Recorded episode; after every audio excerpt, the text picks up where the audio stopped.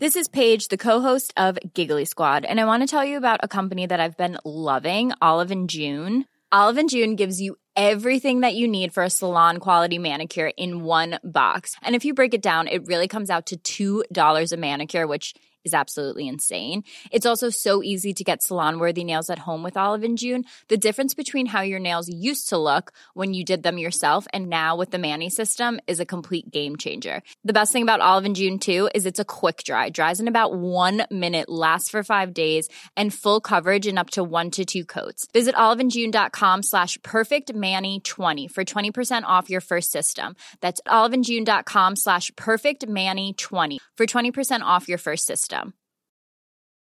There's never been a faster or easier way to start your weight loss journey than with PlushCare.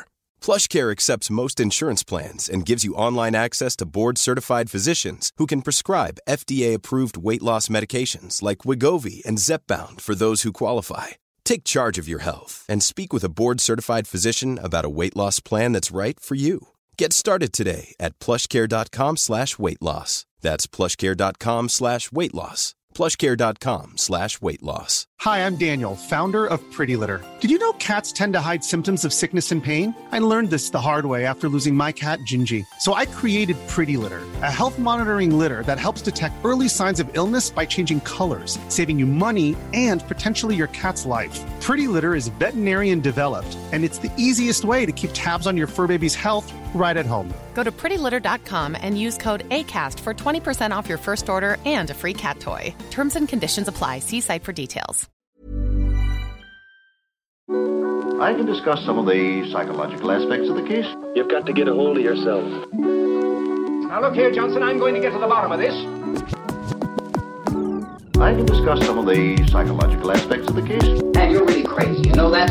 Oh, yes, I remember that. Is this any concern of yours? Stop, stop, stop it now. I mean it. Du må ikke tro på hjernen din. Den lyver. Vi er jo mennesker fulle av nevroser. Det som gjør oss til sjarmerende idioter. I can discuss some of the I can discuss some of the I can discuss some of the psychological aspects of the case. We don't have very long.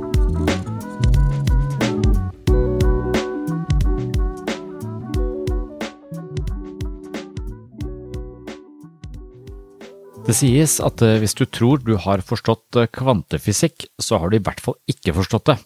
Jeg tror det samme gjelder konseptet tid. Jeg befinner meg altså i Kragerø. Jeg har vært på stranda med familien på foredrag om ulike aspekter ved tid, og jeg har deltatt på en paneldebatt om evighet, noe du kan høre her på Sinnsyn i episoden som heter En evighet på Filosofifestivalen 2021. Nå er det kveld. Norge spiller landskamp mot eh, Latvia, og de vinner. Men eh, jeg får ikke med meg hele kampen, for jeg skal ned på et utested som heter Verven.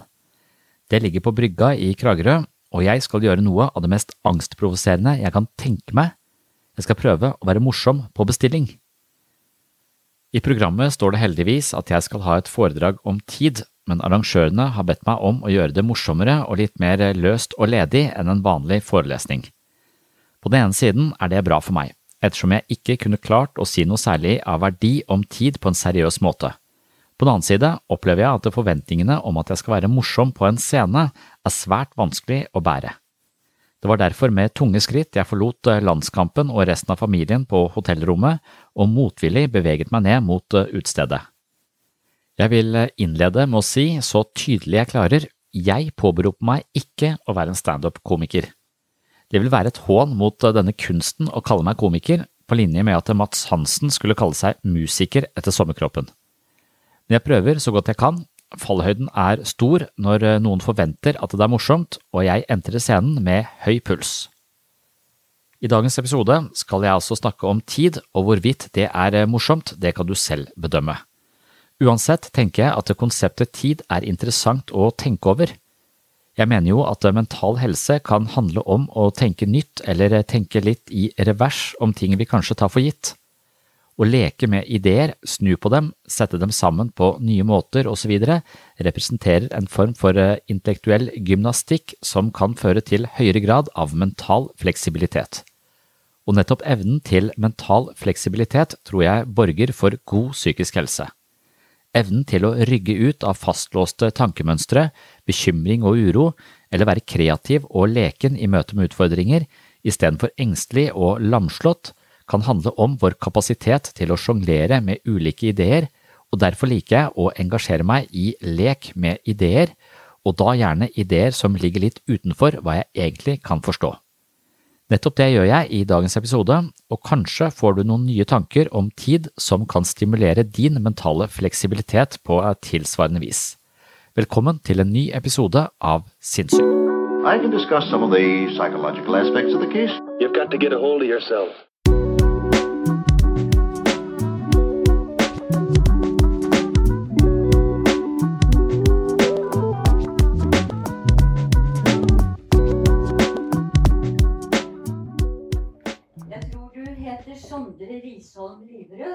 Ikke bare Sondre Liverød, som jeg sa.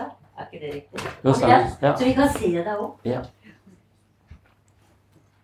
Eh, Du er psykolog med spesialitet i klinisk voksenpsykologi. Mm. Det husker jeg fra sist. ja. Du har vært bidragsyter tidligere.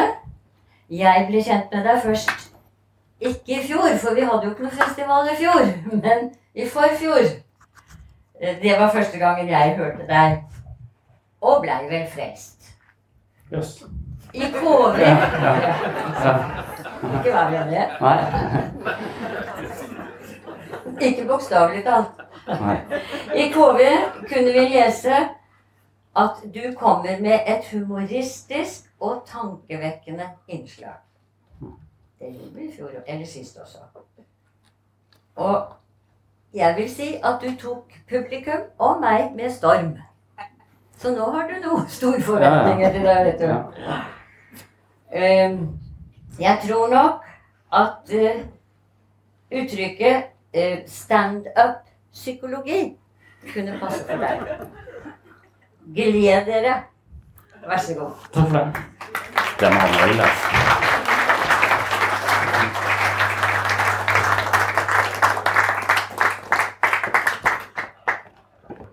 Standup må være det mest angstproduserende jeg kan tenke meg. Det hadde jeg aldri turt å påberope meg selv. Men eh, jeg er så glad i den festivalen her, så jeg har jo eh, Jeg tror det er fjerde eller femte året jeg er med. Så jeg gjør nesten hva som helst for å få lov til å være med. Så når de da spør meg kan du si noe om tid, så svarer jeg umiddelbart selvfølgelig. Jeg er nærmest ekspert på tid. Så det kan jeg. Men, eh, men det kan jeg jo ikke. Det er jo løgn. Så når det nærma seg vil, Første avlysning var liksom, pusta jeg letta ut. Så, sånn, slapp jeg å si noe tid i år, for da utsetter jeg det neste år. For ja, da har jeg bedre tid. Eh, Men, eh, men jeg prokrastinerer, så det tar lang tid før jeg setter i gang og forbereder meg. Og det jeg skjønte, var at jeg har ikke noe litteratur om tid. Så da det er lett. Da kjøpte jeg bare masse bøker om tid. Eh, Det jeg skjønte i neste omgang, var at jeg har ikke intelligens nok til å forstå bøkene jeg hadde kjøpt.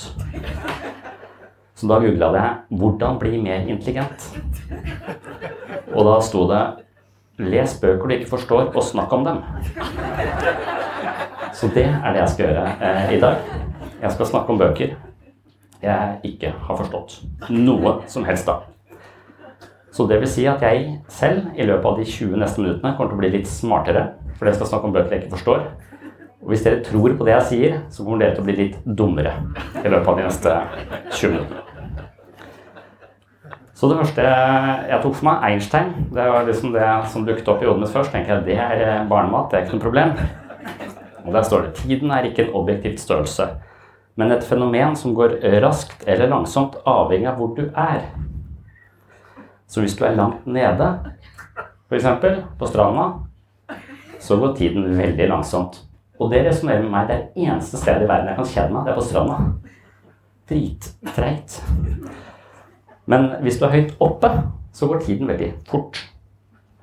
Altså, ja det, Da sto det videre at hvis du ser en klokke ned på bakken, og setter en klokke opp på bordet, så vil klokka da nede der sånn Den vil gå langsommere enn klokka oppe på bordet. Det syns jeg var merkelig. Og så må jeg prøve hele tiden å relatere det til eget liv. Og når jeg står opp hver eneste morgen 06.45, da ringer klokka i annen etasje. Så løper jeg ned for å sette på rundstykker. Eh, og da ser jeg på klokka 06.44. Jeg, jeg, er tilbake hit. Fra annen etasje ned. Så tenker jeg det er en god tid i dag. Så går jeg opp, gjør meg klar på badet, steller meg. Så gikk jeg på klokka på badet. Dæven, over sju! Får jeg sånn mild panikk. Røsker i barna. Vi må stå opp, jeg er for seint ute. Kommer i gang øh, og, og får gjort alt jeg, alt jeg skal. Og så kjører jeg til jobben, får levert i barnehagen. Uh, de er på vei til skole osv. Så, videre. så kommer jeg på jobben, og så kommer jeg alltid på tida. Alltid litt før tida. Og det syns jeg er rart. Men det er jo selvfølgelig for det er en høydeforskjell. Jeg bor på Gimlekollen, nesten 100 meter over havet. Grim, der jeg jobber, veldig lavt lønna. Så da har jeg denne tidssonen å forholde meg til, så derfor kommer jeg alltid tidsnok. Problemet er at jeg bor i høyden. Og dermed så eldes jeg kjappere. Og jeg er redd for å dø. Så nå har jeg tenkt å kjøpe et hus litt nærmere eh, vannet. Så, men det, jeg syns det der høres litt rart ut. At det, det er, tida går liksom fortere når jeg er høyt oppe. Og så mistenker jeg alltid at Einstein bare slår jeg i plate. Uh, for at han skjønner at det er ingen andre som skjønner det han skriver likevel. Så han kan nesten si hva som helst. Ellers er han bare litt interessert i å være interessant. Tenkte jeg kanskje at han bare sier ting for å, for å være litt sånn kontrær. Uh, litt sånn som konspirasjonsteoretikere. De sier noen som tror på det de sier, tror jeg. Men de sier det bare for å være litt, litt annerledes. Så jeg måtte sjekke noen andre kilder enn Einstein. Og da gikk jeg til eh, en som heter Carlo Ravelli. Han har skrevet 'The Order of Time'. Men der sto det akkurat det samme. Så eh, der, der sto det faktisk at det, folk som bor ved sjøen, eldes langsommere enn de som bor oppe i fjellet. Han hadde liksom et eksempel med to kamerater som ble født på samme sted. Så flytta den ene langt opp i fjellet, andre flytta eh, ned til, til vannet. Møttes litt seinere. Oppe i fjellet, gammel. Han er da fortsatt ung og, og sprek. Altså, det er sykt rart. Så, og, og, men, men, igjen så tenker jeg at dette resonnerer litt med mine erfaringer rundt omkring. Hvis du ser på bilder fra folk som bor langt oppe i fjellet Det er jo sånne gamle, krokete folk som går og bærer tungt. Så det vil jeg sjekke ut. Jeg har fått en anordning som er helt rå. og det, det er ikke sponsa av det, men Oculus Quest 2. Det er sånne briller jeg tar på meg så har du hele verden for dine føtter, og du kan teleportere deg rundt uten bruk av tid. Så jeg kan komme meg til Roma, jeg kan komme meg til eh, Bhutan, som jeg nå har vært i. Jævlig høyt oppe. Uh, og jeg har vært, liksom, Så du har noen briller hvor, hvor, du liksom kan bare gå rundt i hele verden, så er du der. Akkurat som jeg sitter her nå og ser rundt meg, så har jeg på meg brillene, så kommer jeg rundt omkring i verden. VR-briller heter det. Det er, det er sånn um, det er Google Maps, egentlig. Det er Street Group. Men det er helt utrolig god grafikk. Altså. Men det, det, dette er ikke tøys. Det er helt sykt hvordan jeg kan reise ut i hele verden. Jeg skjønner ikke hvorfor ikke de har det på gamlehjem mer. Altså at, eh, at, folk som da blir så skrøpelige, kan reise rundt. Men det jeg ville sjekke ut, da, det er stemmer den hypotesen at det er folk som bor høyt oppe, eh, eldes veldig kjapt. Eh, for min erfaring på bilder fra disse stedene, så har jeg ofte sett at du har små barn, så har du bare gamle folk. Hvor tenker jeg da er foreldrene på jobb? Men det er mulig de ikke eksisterer. Så jeg, jeg dro til Venchuan i Peru, 5100 meter over havet. Kurzok i Kina 4800 meter over havet. El Alto i India 4500. Laya i Bolivia 4000. Og Bhutan da 3800 meter over havet. Og der eh, får jeg altså Jeg ser folk på gata, de er stillbilder, men jeg går rundt i disse byene og ser, ser bare gamle sånne krokete eh, folk og bitte små eh, barn. Så jeg mistenker rett og slett at du går fra barnehage til pensjonisttilværelse med bingo og inkontinens. Altså Det er ikke noe mellomrom her. Jeg tror kanskje du er seksuelt aktiv i 14 dager. Da må du bare forte deg og, og få pæra deg, sånn at det, denne byen lever eh, videre. Så, så det, det, stemmer nok igjen da med denne høyde, høydeforskjellen. Så når jeg da forsto dette, dette har jeg forstått i løpet av de 14 siste dagene, når jeg leste disse bøkene, så hadde jeg en pasient på kontoret som eh, kom inn og var innlagt. Eh, hadde fått en enorm stressreaksjon, hadde stressa i veldig lang tid. Og normalt sett når folk kommer inn med stress, så begynner jeg å snakke om eh, meditasjon, jeg begynner å snakke om mindfulness, jeg begynner å snakke om måten de tenker på, hvordan de prioriterer, hva slags verdier de har. Jeg begynner å, jeg nøste sånn for å dempe stresset litt, og så få litt oversikt over hvorfor det havner i en stressende situasjon. Det eneste jeg spurte om nå, var hvor bor du hen? På Brokke, sa han. Brokke, sa han, det er det er 450 meter over havet. Altfor høyt. Har ikke tid til noe som helst der oppe. Der går tida så sykt fort. Du må flytte ned her til byen. Da eh, vil du kvitte stresset og spille epikrise og ferdig med den saken. Det var én time istedenfor eh, 20 timer i terapi. Det kommer greit unna. Og så jeg, skjønner, jeg skjønner dette med for tid altså det, Barna mine er drittreige. Altså, hvis vi skal ut Altså, vi er inne, vi skal bare ut. Så tar det halvannen time. Komme seg disse ti meterne ut, ut døra, det kan fort ta halvannen time. Vi skal på fotballtrening nå, pleier å si én time før vi skal gå. Her er eh, sokkene dine, her er legebeskytterne. Du kan ta på det, så skal vi gå på fotballtrening. Kommer tilbake 45 minutter seinere, ligger og åler seg på gulvet rundt disse fotballsokkene. Kommer liksom ikke på. Kommer ikke videre. Og en av mine sånn, litt mindre stolte øyeblikk da, som pappa, det er når jeg, når jeg foreslo at de var treigere enn brunsnegler. For da hadde jeg, da hadde jeg akkurat skjønt hvor raske brunsnegler er i forhold til det. Jeg sa at det, noen ganger så prøver jeg å komme oss ut fra stuedøra, for det er for langt å komme ut i gangen. Vi skal ikke bare ha på jakke og sko ut. Det, det blir for langt, det klarer vi ikke. Så vi må herfra ut i eh, hagen. Det er bare fire meter, det. Det bør vi klare. Men fortsatt halvannen time. Og så tok jeg med som brunsnegle og sa vet du hvor fort den her går? En brunsnegle kan gå 30 cm på fire minutter. Det vil si nesten en meter på 12 minutter.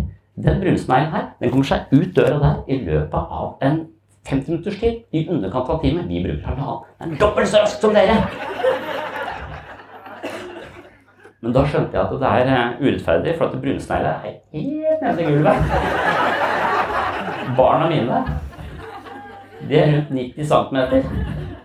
En på 1,10 og en på 1,20. Det er den laveste som er tregest. Den laveste har, har best tid. Den er nærmest eh, bakken. Så da, da skjønte jeg jo igjen at eh, tid, denne tidsdifferansen er det som spiller inn. Altså, de tror der nede så har du kjempegod tid til fotballtrening. Her oppe har vi det travelt hele tida. Så det er en kjempeforskjell i tidsopplevelsen, men også den fysiske tiden, da, siden tiden går saktere der nede. Klokka går saktere nede ved, ved gulvet. Så det som jeg har begynt med nå, er å gå rundt på knærne, for da har jeg også god tid. Og barna liker det. Så jeg, vi er litt mer på, i samme tidssone etter at jeg begynte med det. Men så begynte jeg å tenke meg om igjen, for at den teorien stemmer ikke. Det er akkurat som ikke holder helt mål. Og det er fordi at eh, jeg har sett at, ikke sant? Da tenker jeg at tid, du får dårligere og dårligere tid jo høyere du blir. Jo eldre du blir, får du dårligere og dårligere tid. Og så sa bestemoren min også at, at jo eldre du blir, jo fortere går tiden. Tenkte jeg faen, jeg blir høyere. Men på et eller annet tidspunkt så blir du lavere og lavere. Du, du krymper jo. Hun, hun var sånn 1,30 på sokkelesen når hun eh, døde som en rosin i. Han gikk i åtte år, liksom. Hun var så lav at det så, noen ganger så viser jeg hvor har hun blitt av? Det er litt sånn syvende far i huset-opplegg. Han lille fyren oppå uh, det, er- det er sånn. Så, så det kan ikke ha med høyden Eller hun var ganske lav da. Så tenkte jeg, men der nede så går jo eh, eh, tiden veldig langsomt. Nei, jeg går kjempefort her nede. Og det er for at et annet ting som spiller inn eh, med tid. Og det eh, så jeg sånn der ravioli, eller hva det er for noe. Tiden går saktere når vi beveger oss fort, og fortere når vi beveger oss sakte. Det er litt sånn som høyre og venstre for meg. Jeg, skjønner det med en gang, og så, glipper det for meg. Hva faen er det stått? Tiden går saktere når vi beveger oss fort, og fortere når vi beveger oss sakte. Og det gjør mening, for bestemora mi veldig seint. Og når du beveger deg veldig seint, så går tida veldig fort. Så du må begynne å jogge, sa jeg til henne. Men hun hadde gåstol og, og, og rista, så det var ikke, det var ikke noe mulig.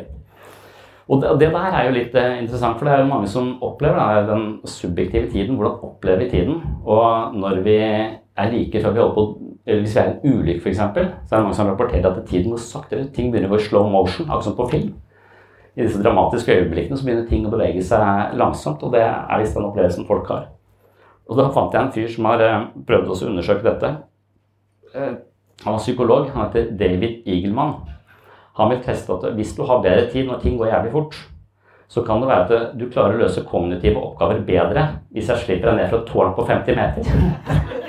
Så han, han gjorde seriøst det studiet hvor han gikk inn i en sånn fornøyelsespark, så er det sånne tårn. Så slapp han de folka i bakken i, de tårna. Det er dritskummelt. Du, faller fritt eh, 50 meter rett ned i en sånn, der, eh, sånn, ja, så, sånn torturmaskin som de har på fornøyelsesparker. Og så utsatte de for sånne type mattestykker og sånn underveis på vei ned. Og så viser det seg at de var ikke noe bedre til å løse de mattestykkene enn de som satt inne på kontoret hans på universitetet. Og Det syns jeg er så jævlig overraskende. Altså, det kan godt være de har bedre tid, de tenker bare på 'nå skal jeg dø'. Det liksom, Åtte ganger seks? Faen, det driter jeg i. Jeg skal dø nå. Livet mitt skal passere langsomt i revy. Så, så det, det syns jeg er et rart studie å gjøre på akkurat det, det der. Men det dukket opp i disse bøkene. Så, men jeg har også tenkt at, det, at dette med Jeg har jo ganske, jeg har et periode ganske sterk eh, dødsangst. Nå er jeg mer redd for at kloden skal dø. Eh, det, er, det snakket jeg om tidligere da. Men, men, jeg har nok hatt en sånn slags grad av dødsangst eh, hele livet. Nå er jeg litt mer redd for meningsløshet. Men, eh, men jeg tenker at dette med tempo også kan få på en måte, For som psykolog så tenker man ofte at det, eh, er veldig masse ubevisste prosesser, og alt vi gjør, ifølge Freud, er determinert, eller overdeterminert. Det er en årsak til alt vi gjør, men vi vet ikke om de årsakene. Så alt vi tenker og føler er feil. Det er min, mitt mater. altså Det er i hvert fall filtrert via alle nevrosene mine. da. Og en ting med meg er at jeg alltid går uh, veldig raskt, eller løper. Jeg løper alltid opp trappa. Og jeg løper fra Hvis jeg skal noe, så løper jeg dit. Litt sånn som Forest Gump. Uh, han, han drev også med, med, det der. Og det tror jeg rett og slett er for å da leve lenger. Altså det er ubevisst har skjønt dette med at uh, hvis jeg beveger meg fort, så går tiden langsommere. Og dermed så får jeg et lengre liv. Så dette er en slags min kamp mot dødsangsten er rett og slett å løpe rundt dit jeg, dit jeg skal. Så Det ser litt dumt ut, for på, på poliklinikken der jeg jobber, når jeg alltid løper opp trappa, så oi, så folk sier oi, så at jeg kommer liksom i full fart, eh, fart oppover. Og det er for ikke dø for tidlig. Eh, og for å ha god tid mens jeg er her. Så ja. Så det, det, har jeg også vært inne på. så når jeg leste om tid, tenkte jeg jeg har lyst til å ha mest mulig tid. Jeg syns 81,5 eh, år er i minste laget. Eh, så, så, derfor så har jeg lyst til å ha så mye tid som mulig. Og da står et annet tips som ikke jeg likte noe særlig godt. Det var eh, altså gjør nye ting. For at når du gjør ting som krever mye mental kapasitet og anstrengelse, så går tiden langsommere. Selv, og da er jo jeg et rutinemenneske med dødsangst, så jeg liker at alle dager er helt like. Jeg liker at jeg står opp klokka 06.45, går bakover i tid ned eh, i etasjen under til 06.44, for så å miste noen minutter i annen etasje igjen. Dette gjentar jeg hver eneste dag, eh, så langt det lar seg gjøre. Hater ferier.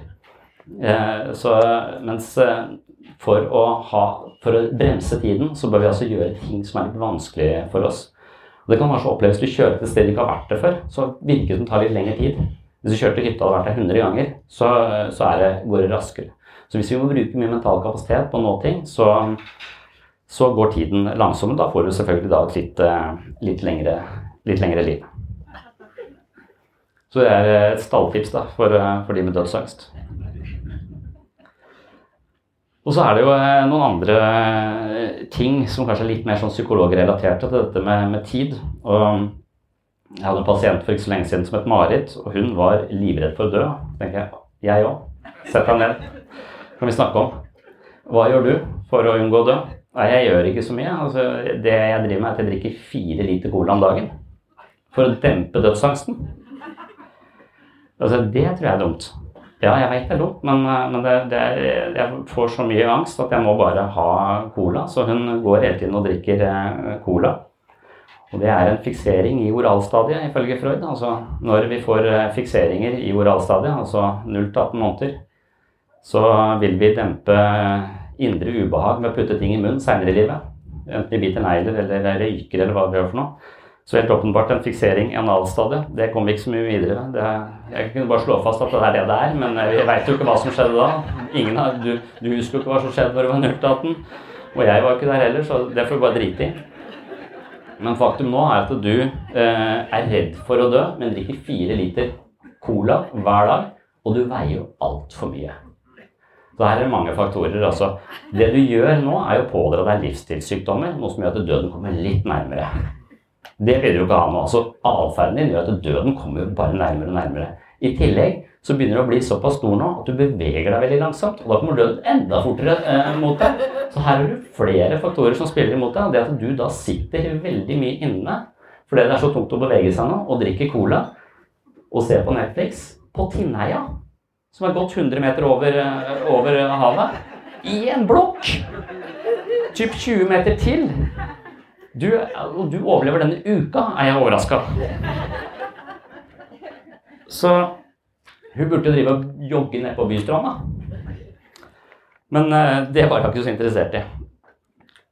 Og Marit eh, det, er, litt samme med meg. Altså, jeg har det, har det samme at jeg gjør ikke sånn som altså, det er jo, Jeg har visst om denne festivalen i to år, nesten. Eller det er jo kjempelenge siden det var, at det var tid som vi visste det skulle være. Jeg visste at jeg skulle snakke om det. Men jeg har ikke gjort noe med det veldig lenge, bortsett fra at hver gang jeg har tenkt på det, så har jeg bare følt sånn, å, ubehag i magen, tatt, drukket litt whisky isteden. Jeg går mer for whisky enn cola. Det er min, eh, min greie for andre, andre, typer problemer enn det hun får. Eh, og så er det høy forbrenning, så overvekt er ikke blitt noe problem foreløpig, men det kommer til å bli ganske snart. hvis jeg fortsetter på det. Så det som Marit eh, også sliter med, er jo horisontproblemet. Altså at eh, alle de tingene som eh, som på en måte ikke har noen umiddelbar effekt på oss, det driter vi litt i. Så vi har litt problemer med å tenke langsiktig. Uh, og det er jo uh, et ganske sånn veldig menneskelig problem, da. At vi, vi, vi har noen algoritmer som sørger for at umiddelbar behovstilfredsstillelse er ganske nærliggende for oss. Og det å utsette dette i et litt lengre perspektiv, som veldig ofte er det sunneste for oss, det syns vi er, eh, er, vanskelig. Så isteden da for å jogge på bystranda, så vil hun dempe følelsen der og da. Den ubehagelige følelsen den demper hun ved å putte noe i munnen pga. fiksering i oralstadiet, som jeg selv også har. Så, eh, så dermed så, så, vil hun ikke klare å Hun tar heller å fjerne følelsen i øyeblikket, eh, og, og, dermed så vil hun da på litt lengre sikt dø av både livsstilssykdommer og ja, diabetes type 2 og, og, alt det. Så, så, det så hun klarer ikke å se dette lange, lange perspektivet. Det tenker jeg også er en sånn ting med tid som er, som er viktig for oss. Vi, vi, altså jeg er opptatt av miljøvern. Jeg kan ligge uh, søvnløs og tenke på at jorda går til helvete ganske snart. Men så driter jeg i kildesortering innimellom. Og det, det, det syns jeg er paradoksalt. For hvis jeg er så opptatt av miljøvern at jeg ikke får sove pga. det, så burde jeg kildesortert litt bedre. Men det er igjen fordi horisonten er så langt fram. Det er derfor jeg ikke leste om tid før uh, i løpet av de siste 14 dagene. Det er så lenge til, men plutselig så er det ikke uh, så lenge til. Plutselig så går jo jorda til helvete. Jeg vet liksom ikke hva der framme, så jeg driter litt i det her sånn. Så jeg har ønsket meg en voldelig søppelkasse. En, en søppelkasse som slår meg i trynet hver gang jeg putter eggeskall i ja, ikke i matavfallet. Det skal i matavfallet. Den matavfallet skal oppi ned der. Så hvis uh, søppelkassa hadde vært litt mer bevisst og slått meg i trynet hver gang, så hadde det hjulpet meg. Jeg trenger at konsekvensene kommer nærmere meg. Og Det er derfor jeg også skal begynne med noe som heter eh, hva var det legen sa? Det? Antabus. ja. Det gjør at jeg blir dritsjuk hver gang jeg drikker alkohol. Så istedenfor å bli alkoholiker om fem år ca., kanskje det nå er to, så, så, skal jeg få meg på trynet hver gang jeg drikker øl. Eh, så det handler altså om å flytte, flytte horisonten. Og jeg tror at, eh, at, de som, eh, at dette har mennesker vært klar over veldig lenge. At vi, vi har problemer med ting som ligger langt framme. Vi utsetter det.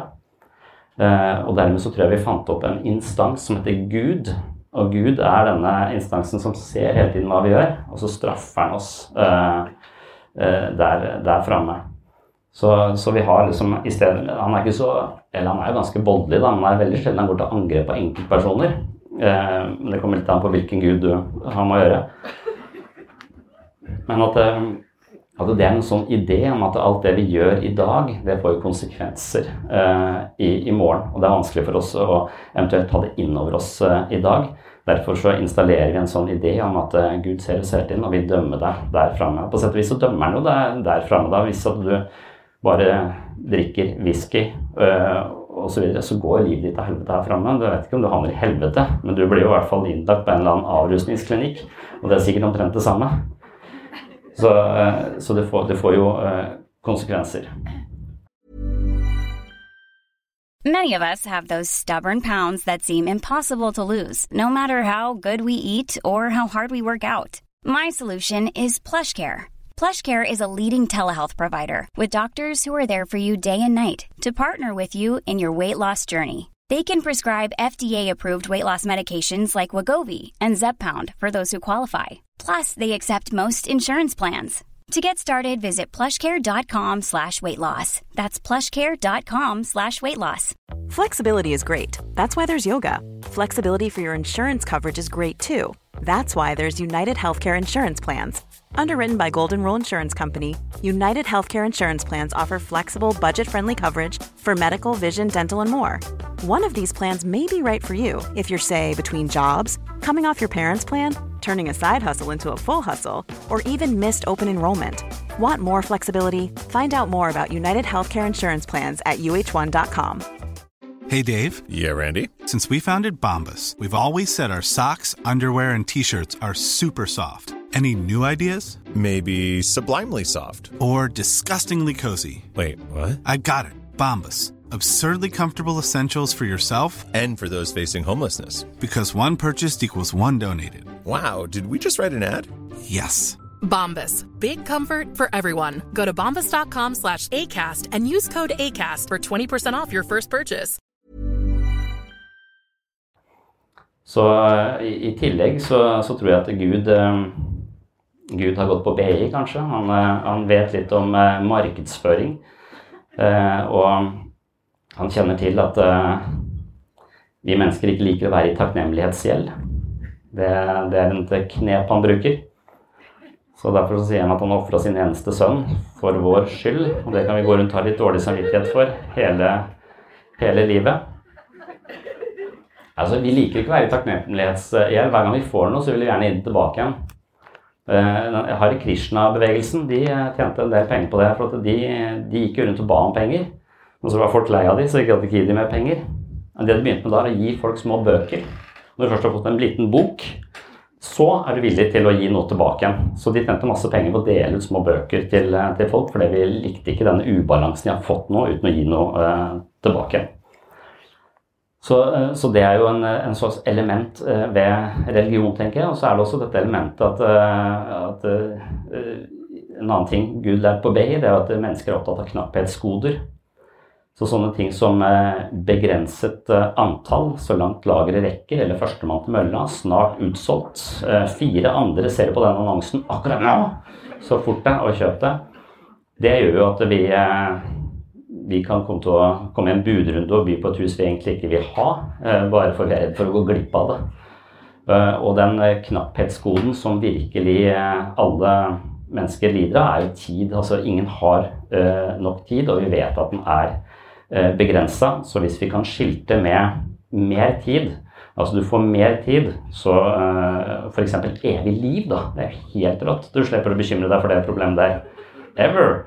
Så, så, det er også en av de virkelige eh, salgstriksene da, i, i, religion, tenker jeg. Også veldig mye andre ting vi driver med. altså alt, Veldig mye av det jeg driver med, er jo for å unngå å dø. sånn Abonnement på treningsstudio, antioksidanter, tran Alt det er jo egentlig for å utvide, få litt mer, litt mer tid eh, som frisk her på, på planeten. Men eh, jeg har jo lest, eh, jeg har prøvd å bli religiøs i fem-seks år, klarte det ikke. Lest for mye Stephen Hawking og Richard Dawkins. Eh, forsto ikke Stephen Hawkins. Eh, Syns Richard Dawkins var veldig aggressiv og sint. Men han klarte i hvert fall å overbevise meg. Så da har jeg egentlig lurt litt på om dette spørsmålet om evig liv er så attraktivt likevel. Og da hørte jeg de som pleier å være på filosofifestivalen her, Ole Martin Moen og Kaja Melsom. Og det er da, de, de, har diskutert dette, og for meg så virker det som Ole Martin Moen han er interessert i å leve veldig lenge. Han er til og med interessert i å fryse seg ned litt før han dør, for så tines igjen litt seinere, hvis det blir det mulig. Bare sånn for å lure døden, på en måte. Eh, Kaja Melsom hun sammenlignet livet med en sjokoladekake. Hun likte det, men hun likte ikke for mye av det. Så hun, eh, hun ble mett. Så, så der tror jeg det er to, eh, to typer mennesker. Altså de som på en måte syns at det er eh, meningsfullt og nok at vi har disse ca. 80 år. da, og så noen får mye færre, og, og noen får, får flere. Mens andre har en slags ønske om å leve mye, eh, mye lenger. Og jeg er nok en sånn som har et ønske om å leve litt, litt lenger. Fordi at jeg, jeg har så jævla dårlig hukommelse, så jeg lurer på om det er derfor. Jeg husker nesten ingenting som har, har, skjedd tidligere. Jeg husker ting jeg leser i bøker. Jeg kan huske at jeg Kona mi sa 'Husker du hva i Praha?' Nei, det var ikke kjangs. Jeg husker vi satt på bussen. Å ja, var det da jeg leste Herman Hesse? Jeg husker Steppulven. Husker faen ikke at jeg har vært hvor vi skulle på den bussen, eller at jeg har vært der. Så i og med at jeg, Da tror jeg ikke jeg blir mett av dager heller. Jeg husker liksom ingenting. Så, så dermed så er det nok jeg med den typen som er interessert i det. Jeg, ikke, jeg, jeg kan godt utvide eh, livet mitt eh, en, en, god del, og syns at det har vært eh, veldig, veldig greit. Helt til jeg så eh, Black Mirror og skjønte at det der kan bli risikabelt eh, å leve evig. Og i hvert, hvert fall ikke om folk har tenkt nok på det. Og det snakket vi så vidt om i stad, at det, disse transhumanistene og også disse science fiction-forfatterne, som er litt i samme sjanger, de ser for seg en eller annen løsning, enten at du kan bli teamet opp og leve lenger, eller at du eventuelt kan laste opp bevisstheten din til en sky og bare leve evig uten kroppen. For kroppen den råtner bort. Det blir vanskelig å gjøre noe med. Vi kan reversere det litt, vi kan begynne å trene. Altså, hvis, foreldrene mine har gått tilbake i tid. Altså, de, eh, til jul så fikk de treningsapparat av meg og broren min. Og det har de begynt å bruke, pensjonister nå. Og det er også pensjonister. altså det de jobber, de jobba, jeg jobba hele livet. Sykepleier, lærer. Jobba, stått opp, øh, vært på jobb halv åtte, kommet hjem klokka fire, halv fem. Hver eneste dag hele livet. Nesten aldri øh, sjuke. Veldig høy kapasitet. Så blir de pensjonister, så ringer jeg. Du, øh, vil komme deg i neste uke og hjelpe meg? Nei, neste uke er jeg litt opptatt. Skal til frisøren. Å ja. Du skal til frisøren, så da er hele uka egentlig full den for deg, da. Ja. Hva skjedde med tidsperspektivet ditt? Du pleier å være jævlig aktiv.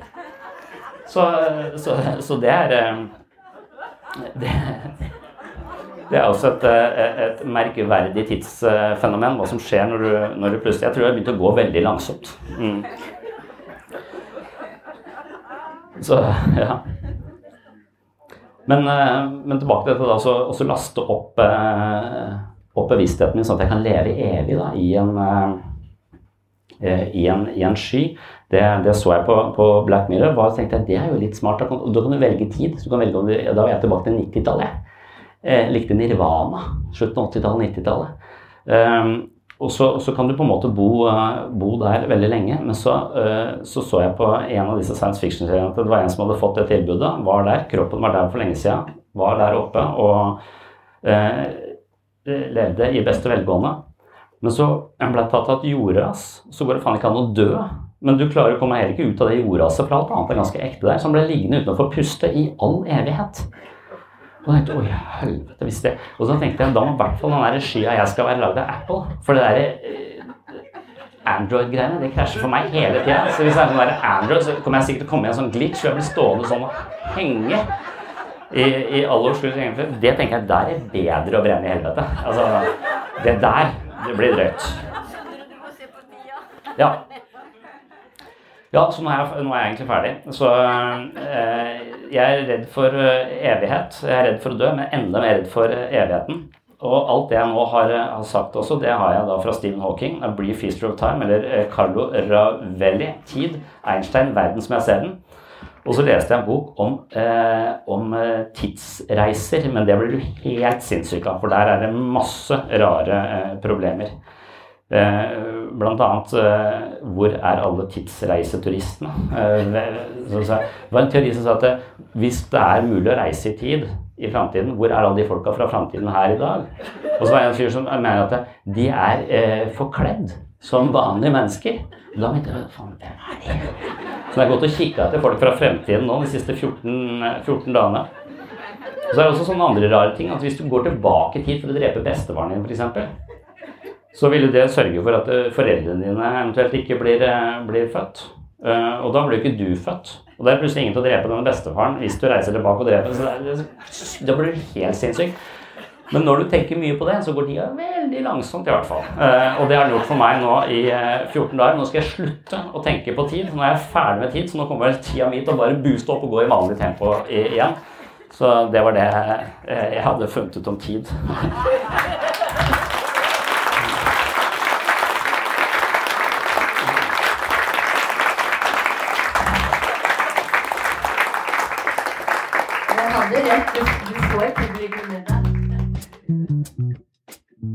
I'm just losing my mind, that's all.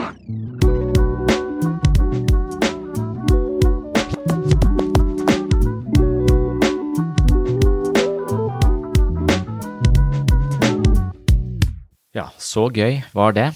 Det var det jeg klarte å lire av meg av eh, halvidiotiske ideer om eh, tid. Men eh, etter dette foredraget om tid, så var det duket for filosofisport, og det er eh, ganske gøy. Jeg vil si veldig mye gøyere enn det jeg klarte å prestere på den scenen. Og filosofisport, det er jo da denne parallellen til teatersport, eller den filosofiske ekvivalenten til teatersport. Det vil si at man eh, får et begrep eh, slengt i trynet, og så skal man holde et lite foredrag om det begrepet. Så det krever at vi tenker veldig raskt, og kanskje tenker litt nytt, særlig hvis du ikke forstår begrepet du får kasta mot deg. Da må du bare improvisere og finne på noe. Og når filosofer, og meg selv da, som psykolog, får sånne begreper kasta mot oss og får et minutt på å forklare de, så, så handler det om å tenke fort, og da i disse filosofiske, psykologiske banene som vi er vant til å tenke i, men dette krever eh, ganske mye spontanitet. Og det kan også da bli ganske gøy. Og det kan du få med deg i en senere episode her på Sinnsyn. Jeg vet ikke om jeg kommer til å poste den eh, neste gang eller neste uke, eller om jeg venter et par uker. Det får jeg se på. Men det blir da uansett det tredje og siste innlegget fra denne filosofifestivalen i Kragerø, som var da i begynnelsen av september 2021. Og det er også duket for ny filosofifestival i 2022, og da skal det handle om frihet. Og hvis jeg har flaks, så blir jeg invitert til den også, det håper jeg på. Jeg syns det er utrolig stas å være der. Så hvis du ikke har noe annet å, å gjøre i sommer, så sjekk ut På kanten filosofifestivalen og se om du har anledning til å ta turen til Kragerø. Det pleier å være en vanvittig fin opplevelse på veldig mange måter. Yes, det var det jeg hadde for denne gang. Den tredje delen, denne filosofisporten, det kan du få med deg i en senere episode. Og hvis du vil ha mer sinnssyn, selvfølgelig, så kan du gå til patron.com for segs sinnssyn, hvor du kan høre bøkene mine i lydbokversjon, og du kan få med deg masse ekstra episoder fra sinnssyn og en del annet ja, ekstramateriale fra denne podkasten. Og det er jo som nevnt tusenvis av ganger før Patron-supportere som hjelper meg å holde hjula i gang her på podkasten. Det er via denne støtten jeg får fra Patron at jeg har muligheten til å prioritere sinnssyn hver eneste uke. Så på Patron kan du også få et abonnement på mitt mentale treningsstudio. Hvis du finner verdi her på sinnssyn og har lyst til å støtte prosjektet, så er det veldig verdsatt. Og som takk for støtten, så får du også da masse ekstramateriale fra sinnssyn. Sjekk det ut hvis du ikke allerede har sjekket ut, og så kan du vente på en ny episode her fra Filosofifestivalen. Som sagt så kommer den kanskje neste uke, eller uka etter der, eller uka etter der. Det får jeg se på. Det det. På gjenhør. Oh, I'm just losing my mind, that's all.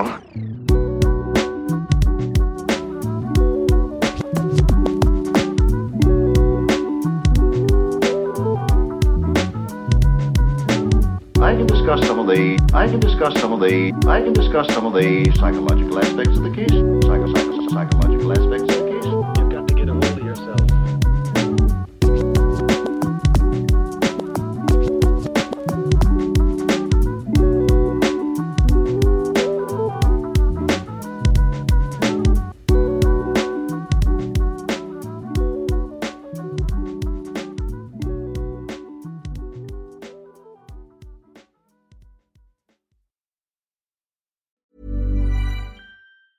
Normally, being a little extra can be a bit much, but when it comes to healthcare, it pays to be extra.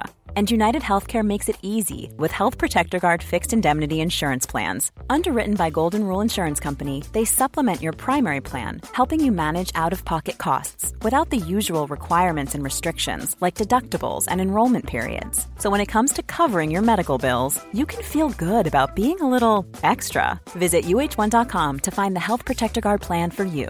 A lot can happen in three years, like a chatbot may be your new best friend. But what won't change? Needing health insurance. United Healthcare Tri Term Medical Plans, underwritten by Golden Rule Insurance Company, offer flexible, budget friendly coverage that lasts nearly three years in some states. Learn more at uh1.com. Even when we're on a budget, we still deserve nice things. Quince is a place to scoop up stunning high end goods for 50 to 80% less than similar brands. They have buttery soft cashmere sweaters starting at $50 luxurious Italian leather bags, and so much more. Plus, Quince only works with factories that use safe, ethical, and responsible manufacturing. Get the high-end goods you'll love without the high price tag with Quince. Go to quince.com/style for free shipping and 365-day returns.